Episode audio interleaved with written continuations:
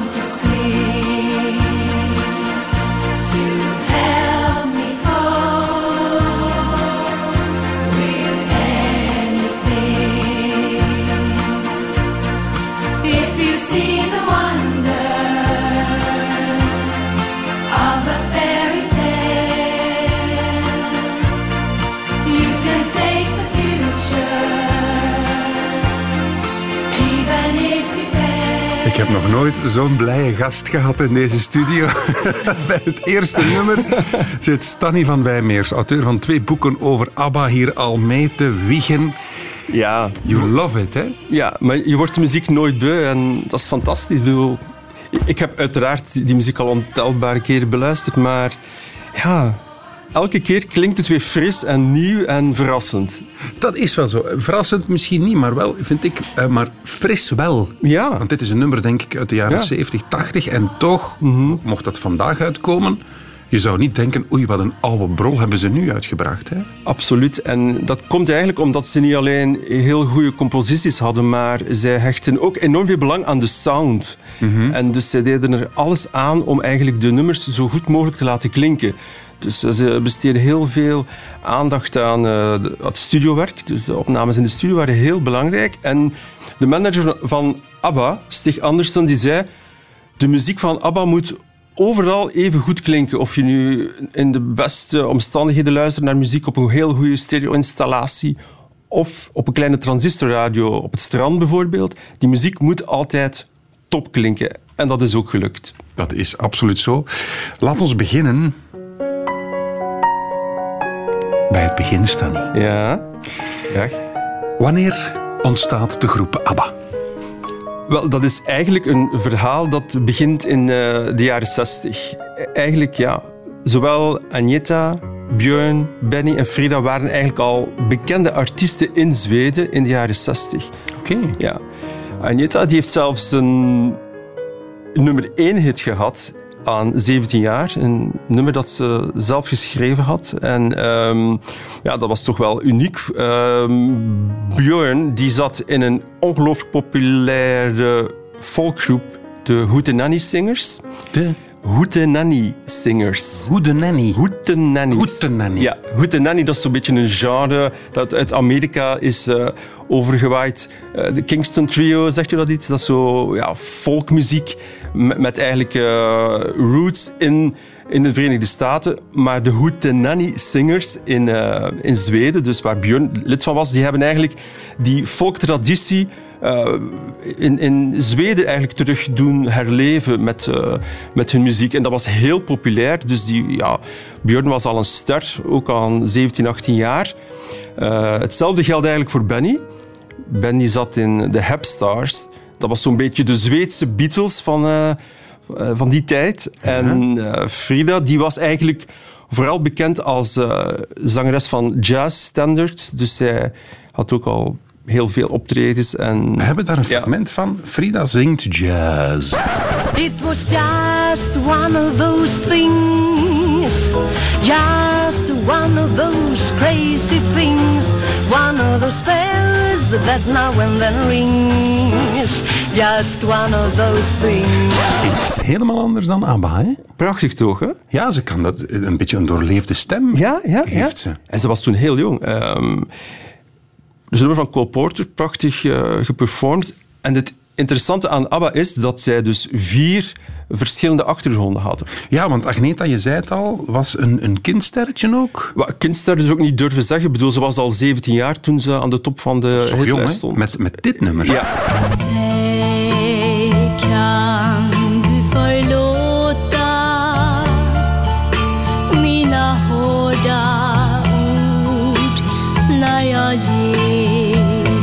Wat zingt ze?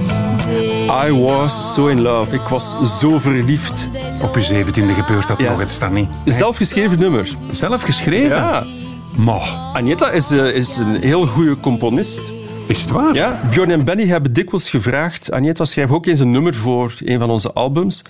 Maar zij was eh, te bescheiden en ze vond dat zij niet op kon tegen het talent van Björn en Benny. Maar ze kan absoluut, en ze heeft het ook eh, dikwijls bewezen, eigen nummers schrijven. Ja, ja, ja. Ehm, je hebt al gezegd, het is, het is Agneta, Björn, wie nog? Benny Benny en... en Annie Fried, maar beter bekend onder de naam Frida. ja, en Wim Helsen heeft daar een heel eigen theorie over. Want ik heb nog respect voor de romantiek. Ik heb nog respect voor oude waarden en traditie. Ik, ik heb nog respect voor ABBA.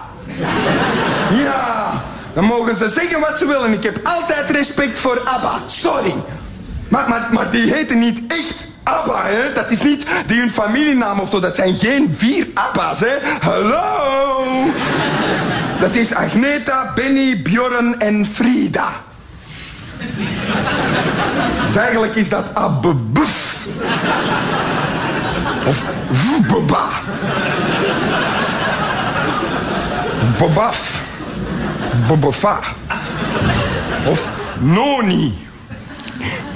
Als ze de derde letter van hun naam hadden gekozen. Weet ik veel.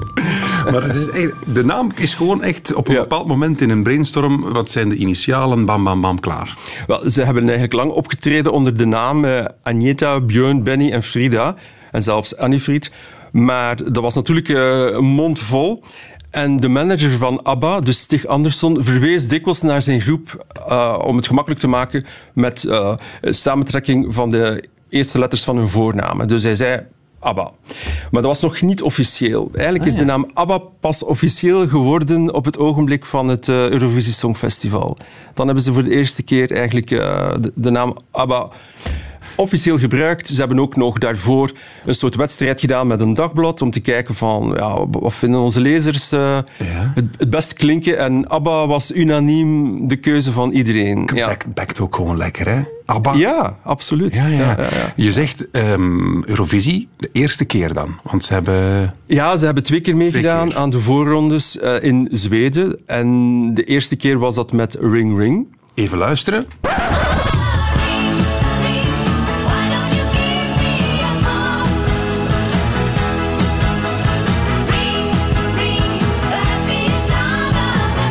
Dus dit was eigenlijk het, ja, 1973. 1973. Dus ze hadden daarmee eventueel ook kunnen winnen op het grote Eurovisie Songfestival. Maar wat is er gebeurd? Ehm, ze waren pas derde op de nationale selectie.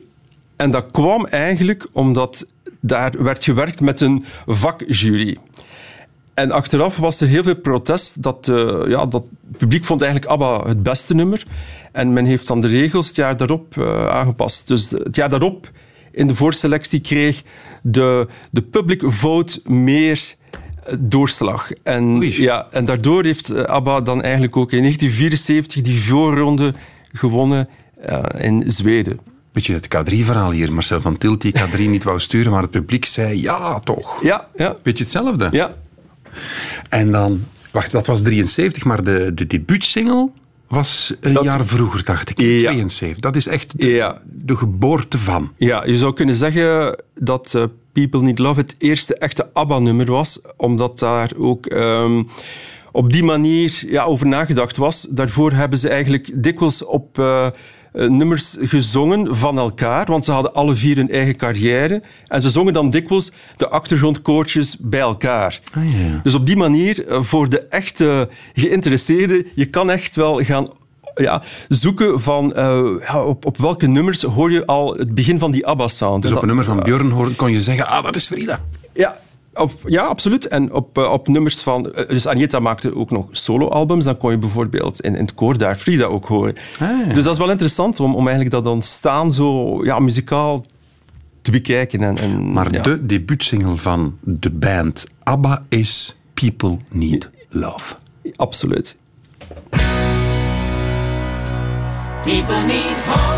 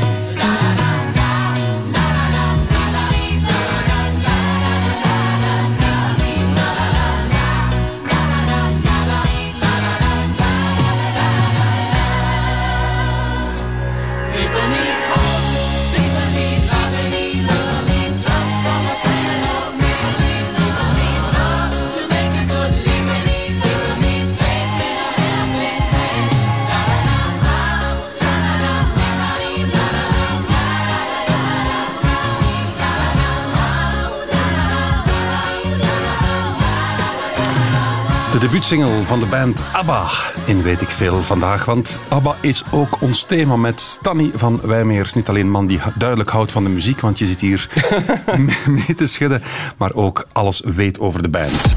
Weet ik veel? Weet ik veel. Vandaag met Stanny van Wijmeers, auteur van twee boeken over ABBA. Waar zaten we? In 1973 zaten we ongeveer. People Need Love is 72. Dat is 72, maar we hebben ook al geleerd Ring dat Ring. met Ring Ring hebben ze dan de eerste 73. keer geprobeerd om mee te doen aan dat Songfestival. Was geen bom.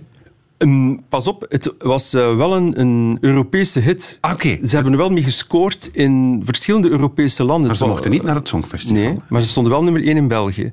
Is het waar? Ja, Ah, met. Ring Ring. En trouwens, tussendoor wil ik even vertellen, ABBA heeft 16 nummer 1's gehad in België. En dat is een absoluut record, zelfs voor ABBA. Is het waar? Ja. Staat Reggie ondertussen daar niet boven? Ik weet niet, ik ga in die discussie met Reggie. dat is het slimste. Dat is het slimste.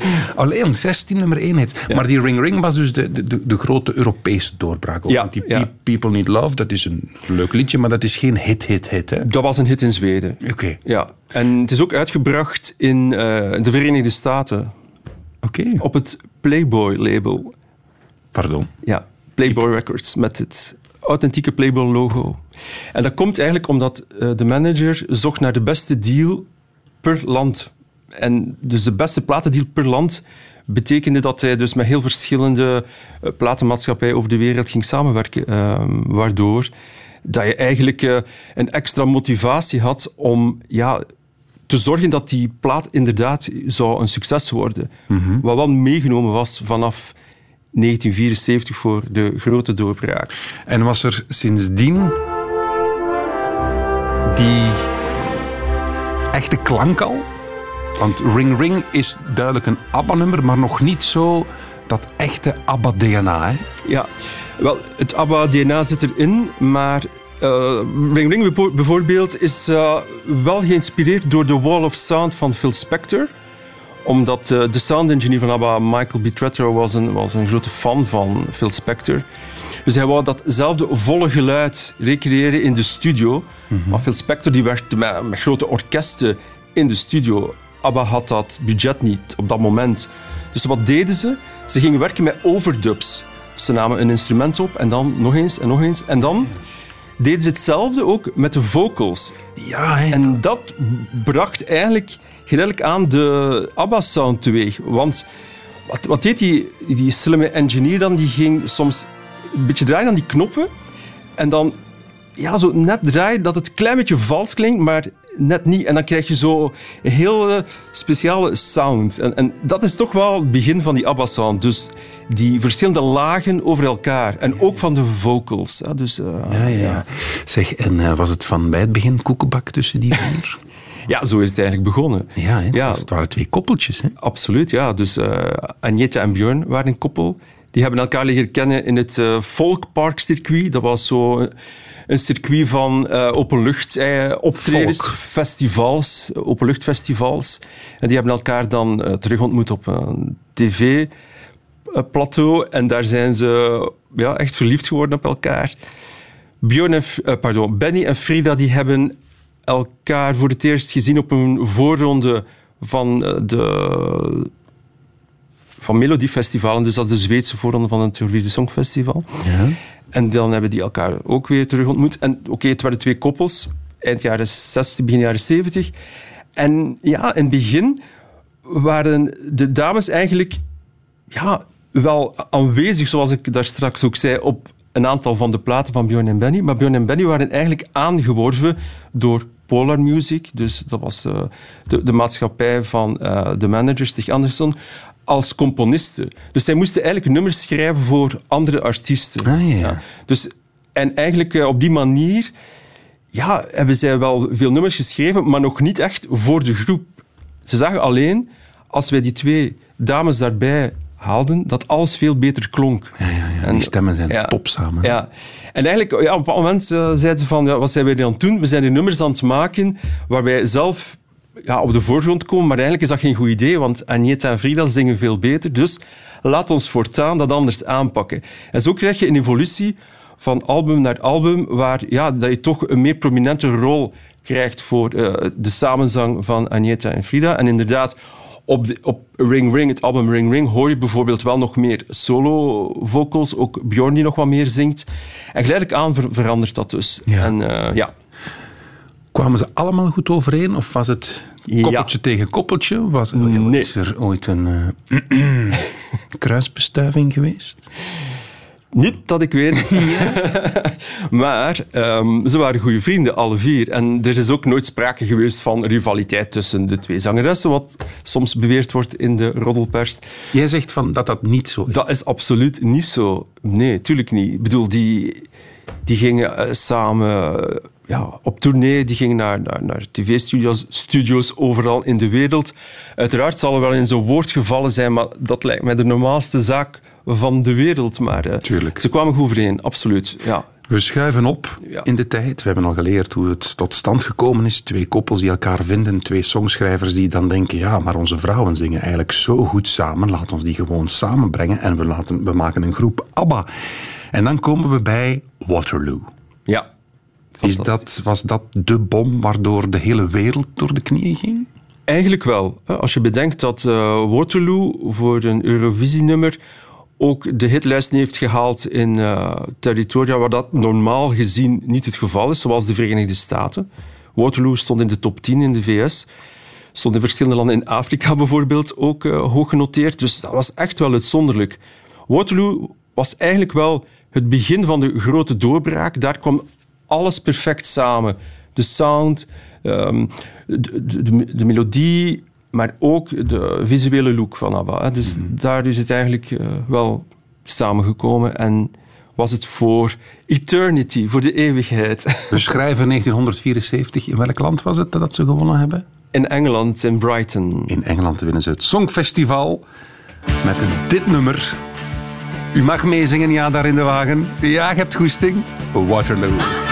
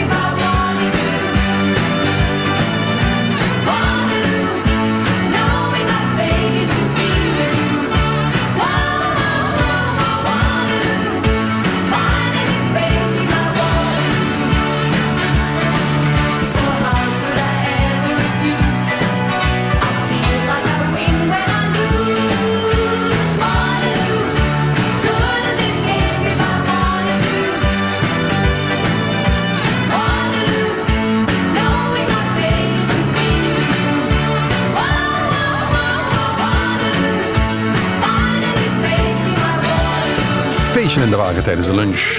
In 1974 wint ABBA het Songfestival in Engeland op deze wijze. There's no doubt about it. The winning song of the 1974 Eurovision Song Contest, la chanson gagnante de concours de la Eurovision chanson concours, Weet ik veel? la chanson Eurovision 1974, c'est Waterloo La Suède avec Waterloo, chanté par ABBA. Dan kijkt heel Europa naar u en dan krijg- raakt je niet uit uw woorden. Heerlijk moment, heerlijk fragment. Het gaat dus over ABBA vandaag. Ja, wij, daar is eigenlijk veel over te vertellen door Stanny van Wijmeers, ABBA-kenner. Auteur ook van twee boeken over ABBA. Ehm, laat ons eens kijken, ja, het, het DNA. We hebben het net al eens besproken, die meerstemmigheid. Hè, dat is een, een studiotechniek. Maar als we een stap vroeger gaan, hoe kwamen die nummers tot stand? Want als ik het goed heb, dat zijn geen geschoolde muzikanten. Nee, nog Benny, nog Björn kunnen muziek lezen of schrijven. Geen nood. Nee, dat is ongelooflijk, hè? is het niet? Daar verschrik ik wel van, absoluut. Ja. Dus als ze met een nummer kwamen dat af was, dan waren het eh, eigenlijk de mensen in de studio, of ja, die moesten kijken hoe gaan we ermee verder. En dan werden de arrangementen uitgeschreven door eh, een van de muzikanten. Maar, Ja. dus ze kwamen met een soort melodietje in hun hoofd naar de studio en dan zeiden ze van, speel dit eens. Ja, maar, maar Benny heeft een ongelooflijk eh, geheugen, dus die kan gewoon ja, uit zijn geheugen gewoon spelen. Dus ja, dat is een genie. En dat deden ze in een zomerhuis. Ja, op Vigze. Dat is een idyllisch eiland waar ze hun zomervakanties doorbrachten en waar eigenlijk ja, eh, een aantal van de grote wereldhits zijn ontstaan. Dus die ze schreven in een aparte hut eigenlijk, Björn en Benny, waar ze elke ochtend om negen uur s morgens begonnen. Och, echt als Ja. een soort in, in badje en we zijn er Ja, en om vijf uur stopten ze en dan gingen ze iets eh, ja, leuk doen met eh, Agneta en Frida. Maar, Ja, maar dus eigenlijk, ehm, ze konden vrij geïsoleerd werken. En dat was eigenlijk heel belangrijk. Hè? Dus zij waren wel op de hoogte van alle muzikale trends in de wereld. Ze waren daar heel goed van op de hoogte. Maar als het op componeren aankwam, waren ze op een eiland. En konden ze gewoon hun eigen ding doen, zonder al die invloeden eventjes. En dan gewoon kijken, ja, piano, gitaar. Laat ons beginnen en wat En komt er proberen. uit? Ja. Zo is er, dat is eigenlijk wel tof om te horen, er- ja, een nummer ontstaat en bijvoorbeeld Fernando, Ja, mooi liedje. Ja, absoluut. En Fernando is, is een goed voorbeeld van een nummer dat eigenlijk verschillende stadia heeft eh, doorgaan. Om te beginnen was het oorspronkelijk geschreven voor een solo-album van Frida. Het was eigenlijk geen ABBA-nummer. Oké. Maar ze vonden het nummer zo goed dat ze dachten, ja, eigenlijk moeten we het ook voor ABBA opnemen. En dan hebben ze verschillende arrangementen uitgeprobeerd. Dit is volgens mij die, die solo-versie voor Frida, was het, hè?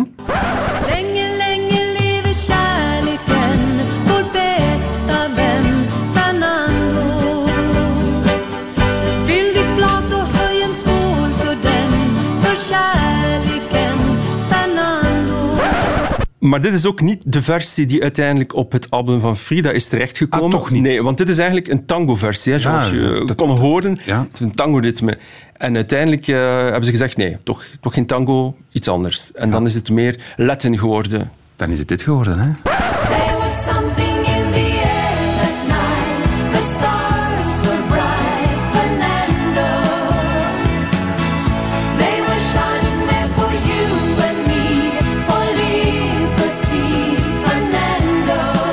En de teksten? De teksten Want Waterloo... Wie, wie verzint het om daar een tekst over, of een lied over te maken? Wel, de titel Waterloo die komt van de manager Stig Andersson. Ja. In het begin was hij ook mee tekstschrijver en vooral belangrijk om een aantal catchy titels te bedenken. Ja. Maar naderhand was het echt Björn die eh, alle teksten voor ABBA heeft geschreven. Want wie is Fernando? Fernando is iemand, ja, dat is een, eigenlijk een, eh, een strijder voor onafhankelijkheid ergens in Zuid-Amerika. Ja, dus het, heeft, Oké. het is eigenlijk een anti-oorlogsnummer. Oké. Ja, dus Ah, want ik dacht echt dat het over, over plastiek en, en, en, en, en gebakken lucht was. Maar nee, ABBA Nee, heeft nee, nee. een ABBA politieke heeft- boodschap. Geen, dat is geen politieke boodschap, maar het heeft wel meer inhoud dan ja, algemeen misschien wordt verondersteld. Maar ook er is een evolutie. In het begin hebben ze een aantal bubblegum-nummers gemaakt waar alles gewoon goed moest rijmen. Dat klopt, uiteraard Ring Ring en, en Honey Honey, dat soort dingen. Maar als je kijkt naar de latere platen van ABBA, dan merk je dat die teksten heel belangrijk worden en dat eh, Björn gewoon een heel goede tekstschrijver is. Als je kijkt naar het allerlaatste nummer dat ABBA heeft opgenomen, The Day Before You Came, dat is een meesterwerk. Die combinatie tussen een beschrijving van een gewone werkdag van een vrouw die net uit een gebroken relatie komt, gecombineerd met die prachtige muziek van Benny, dat is gewoon geweldig. En ja, dus zeggen dat, dat er geen inhoud zit eh, in de nummers van ABBA, klopt dus niet, omdat die teksten inderdaad geëvolueerd zijn. En wat er altijd wel in zit, dat is emotie. Ja, Dus voor mij- Vooral vreugde, toch vooral ja, in de, in de eerste periode. Maar er zijn ook heel... wat- ja, triestige ABBA-nummers. Eh, Ja? Het is dikwijls een combinatie Wat- van... Wat is, wat is het, het, het triestigste ABBA-nummer? Volgens mij, ik gooi YouTube open en, en we spelen het, ik wil het wel eens horen, want ik, ik link ABBA totaal niet met tristesse. Oké, ja, wel, ik ga het je bewijzen. Eh, Ik vind persoonlijk het meest triestige nummer niet The Winner Takes It All, maar One of Us. One of Ja, Us. ja. Oh, eens kijken, we gaan luisteren. Mag ik de schuif open? Voilà, komt-ie.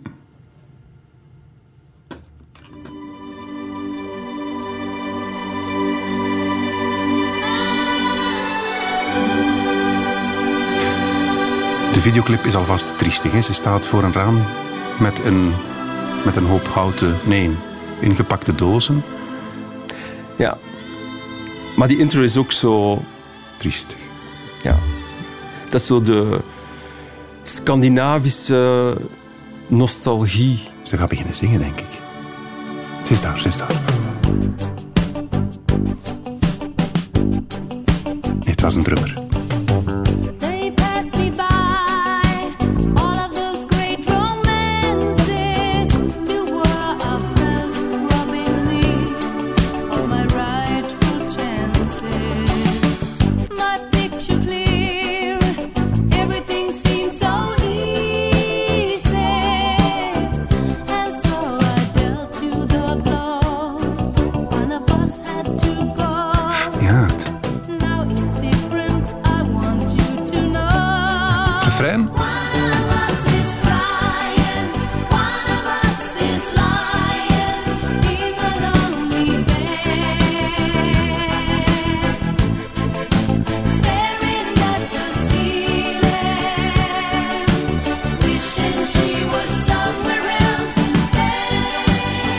One of us is dying of or crying. Crying.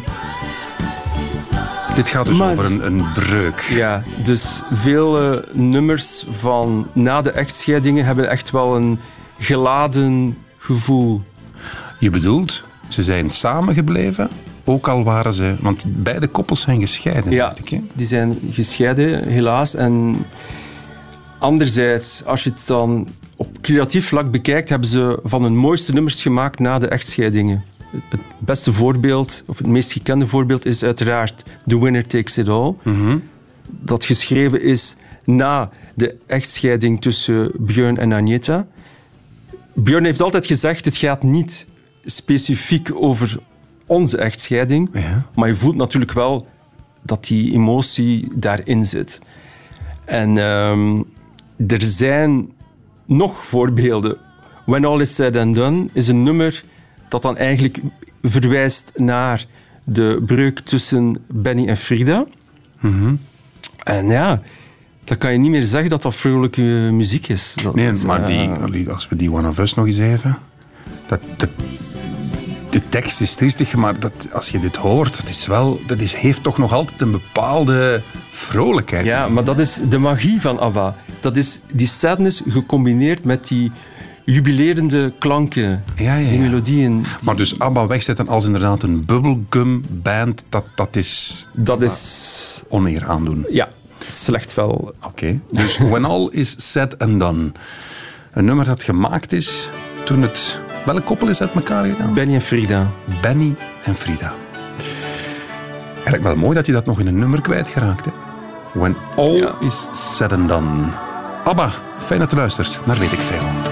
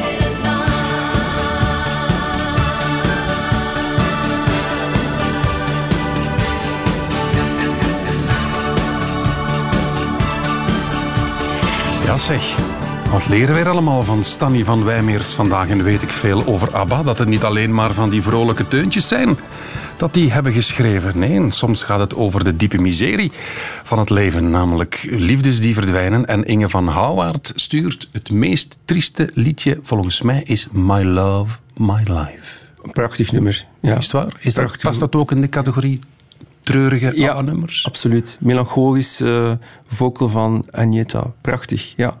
We gaan straks eh, over de band verder praten, maar wat mij opviel ter voorbereiding van dit programma, ehm, je hebt ongelooflijk veel covers. Ja, Die band heeft ongelooflijk veel andere muzikanten niet alleen beïnvloed, maar ook aangezet om een nummer van hen te coveren.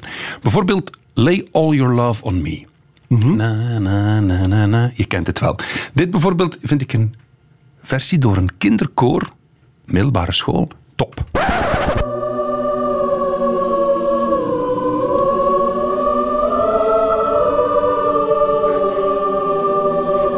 Mooi is dat niet? leuk. Ja. We zijn even in de hemel, hè? ja.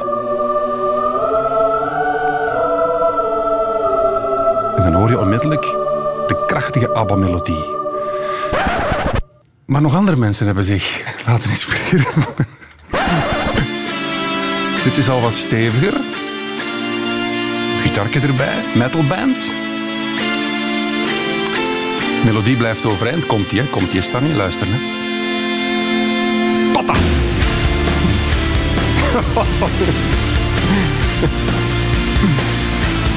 ja. Dat kan, absoluut. Dat kan. Mm, Ja. Dit, ja.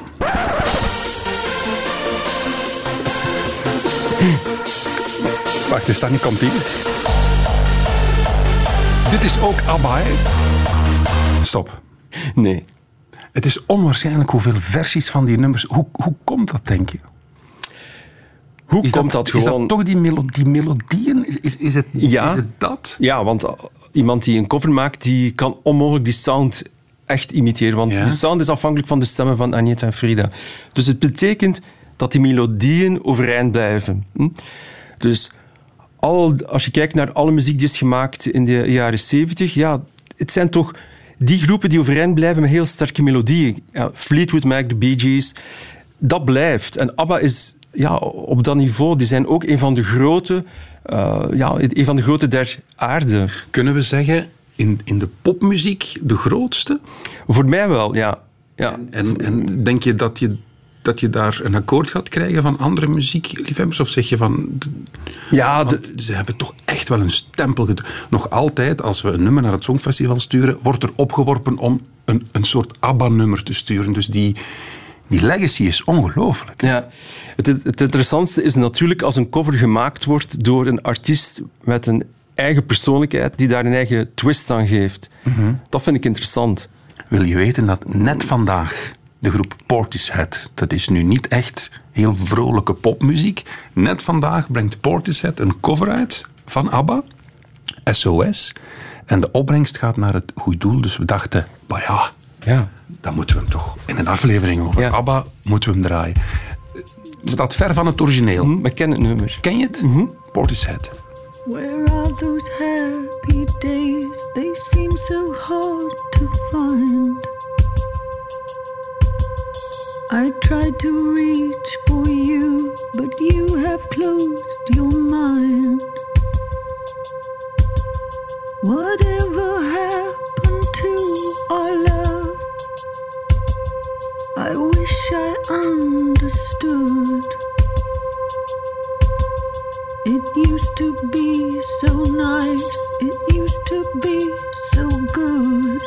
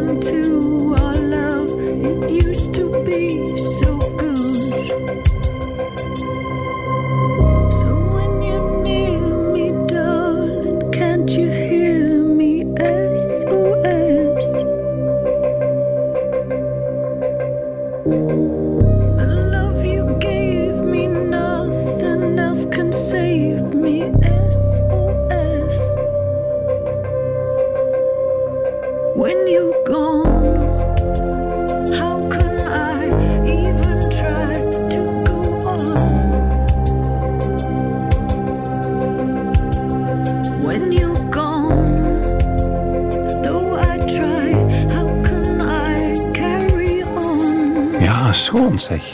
Prachtig. Ja, Ja. weet ik veel over ABBA vandaag. En deze, dit nummer kwam, of komt net vandaag uit, Portishead SOS. En de opbrengst gaat naar het goede doel, dus met veel plezier gedraaid. De, ja, Stanny, onze ABBA-kenner vandaag, onze gast. Wat mij opvalt, de laatste tien minuten, zelfs kwartier, hebben we eigenlijk over ABBA gepraat als een, een band met een boodschap. Best wel met ook een, een wat donkere kant.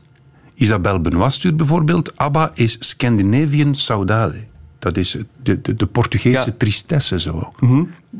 Kan je daar ergens in vinden? Ja, natuurlijk. Ja, dat is ook eh, wat, wat ik zei van, dat is echt die Scandinavische tristesse, die melancholie, die zit, eh, die zit echt altijd in die muziek. En, Als vraag aan 100 mensen: wat is ABBA? Ja. Dat is vrolijke popmuziek. Ja, Hè? Maar dat is ook omdat ABBA ook natuurlijk vooral bij het grote publiek gekend is om een aantal, eh, laat ons zeggen, disco-hits. Voulez-vous, Gimme Gimme. En dat zijn natuurlijk fantastische nummers om uit de bol te gaan. Maar er is natuurlijk een andere kant. En het is die andere kant die we vandaag eh, ook wat belicht hebben. En die misschien bij sommige mensen wat minder gekend is. Maar bijvoorbeeld SOS, dat is een nummer uit, eh, uit 75. Dus dat is toch de eerste periode van ABBA. Is eigenlijk ook een nummer met, met die tristesse. En Portishead heeft dat heel goed aangevoeld. En zij gaan voluit voor dat aspect van de song. Mooi, mooi, mooi. Trouwens, Paul Lembrechts, ken je hem nog? De vorige CEO van de VRT, stuurt mij. Dag Kobe. Geen bubble- bubblegum band van de beste popsongs ooit geproduceerd als je mijn mening vraagt.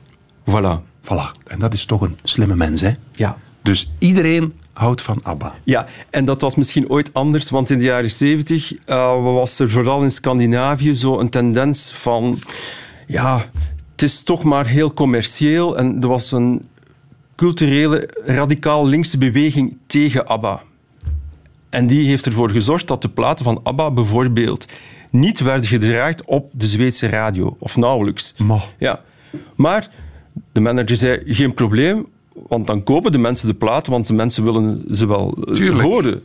Maar ze werden geboycott Ze werden geboycott, ja, absoluut. omdat ze te vrolijk waren. Ja, omdat het te commercieel was. Omdat inderdaad ABBA, ze hadden, zoals ik heb probeerd te zeggen, van, ze hadden wel een boodschap, maar het, was dan meer, het ging meer over de emoties, maar ze hadden natuurlijk geen echte geëngageerde boodschap, zoals eh, in die tijd wel bon ton was. Hè? Door de pakjes en de outfits ging de boodschap wel eens verloren. Voilà, eerlijk ja, zijn. dat is waar. Ja. Ja, daar kunnen we ook nog een, uitweiden, een uitzending aan wijden. gaan we niet doen. Ik vroeg je daarnet met welk nummer sluiten we af. Je, had een suggestie, eh, de allerlaatste single was. De, het allerlaatste nummer dat ze hebben opgenomen voor de nieuwe nummers die hier aankomen, Ja. dat is eh, The Day Before You Came. Maar Maar dat is misschien wel triestig om mee te eindigen. De laatste single tot nu was dan Under Attack. Maar ja, dan gaan we toch moeten eindigen met eh, het evidente. ja, toch. Hey. Als Bart Keller mee eindigt in de Soundmix Show, dan moeten wij dat, dat ook doen. Op de radio hier weet ik veel over ABBA. Thank you for the I'm music. nothing special. In fact, I'm a bit of a bore. If I tell a joke, you've probably heard it before. But I have a talent, a wonderful thing. Cause everyone listens when I start to sing. I'm so grateful and proud. All I want is to sing it out loud. So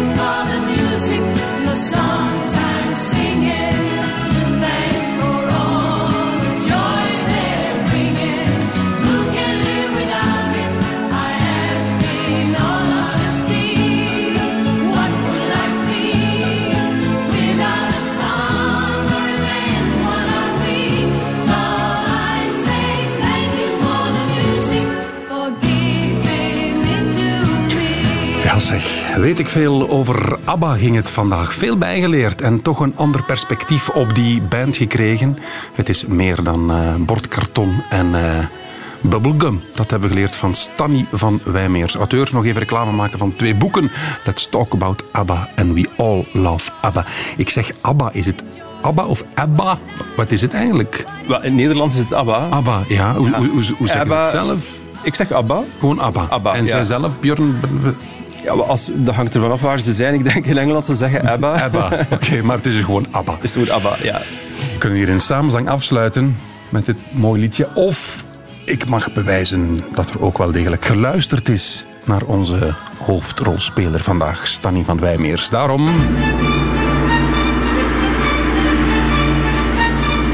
De quiz. Weet ik veel. Stanny, laat maar komen. Eerste vraag. De vier groepsleden begonnen als koppel. Wie was met wie? Oh, dat is een smerige. Agneta en Björn en Benny en Frida. Juist. Yes! dat is echt een smerige, die. Ja, Over wie gaat het nummer Fernando? Dat is een eh, Zuid-Amerikaanse vrijheidsstrijder, als Ja. ik het goed heb. Ja, zeg, bijgeleerd. Bijgeleerd, echt waar. Hoeveel nummer 1 hits had ABBA in ons land? Ring Ring was de eerste. Ja. En je hebt het daar gezegd, dat was vrij aan het begin van de... Ik dacht zes- 16? Ja, klopt. Meer dan. Reggie. Hè? Dat Ja, heb je er ook meer dan Reggie. Volgende vraag. Kunnen Benny en Björn noten lezen? Nee, nee, nee, nee. En, ze neurien eigenlijk de melodie voor aan hun muzikanten of technici. Of ze spelen ze voor. Of ze spelen ze Ja, voor. Ja, ja, ja. ja. Dus ze kunnen wel instrumenten spelen, dat wel. Ja, ja, uiteraard. Ja, ja. Oké. Goeie, ja. Hoe, De oud, ja, hoe oud was Agneta bij haar eerste solohit? We hebben hem gehoord, hè? Ja. Dat was 17, denk ik. Juist. Jongens, toch. 4 op 4. Stanny, bedankt. Graag gedaan. Radio 1. Weet ik veel? Dit is het einde van deze podcast van Weet ik Veel. Weet ik Veel is trouwens een programma van Radio 1. Op radio1.be vindt u nog veel meer.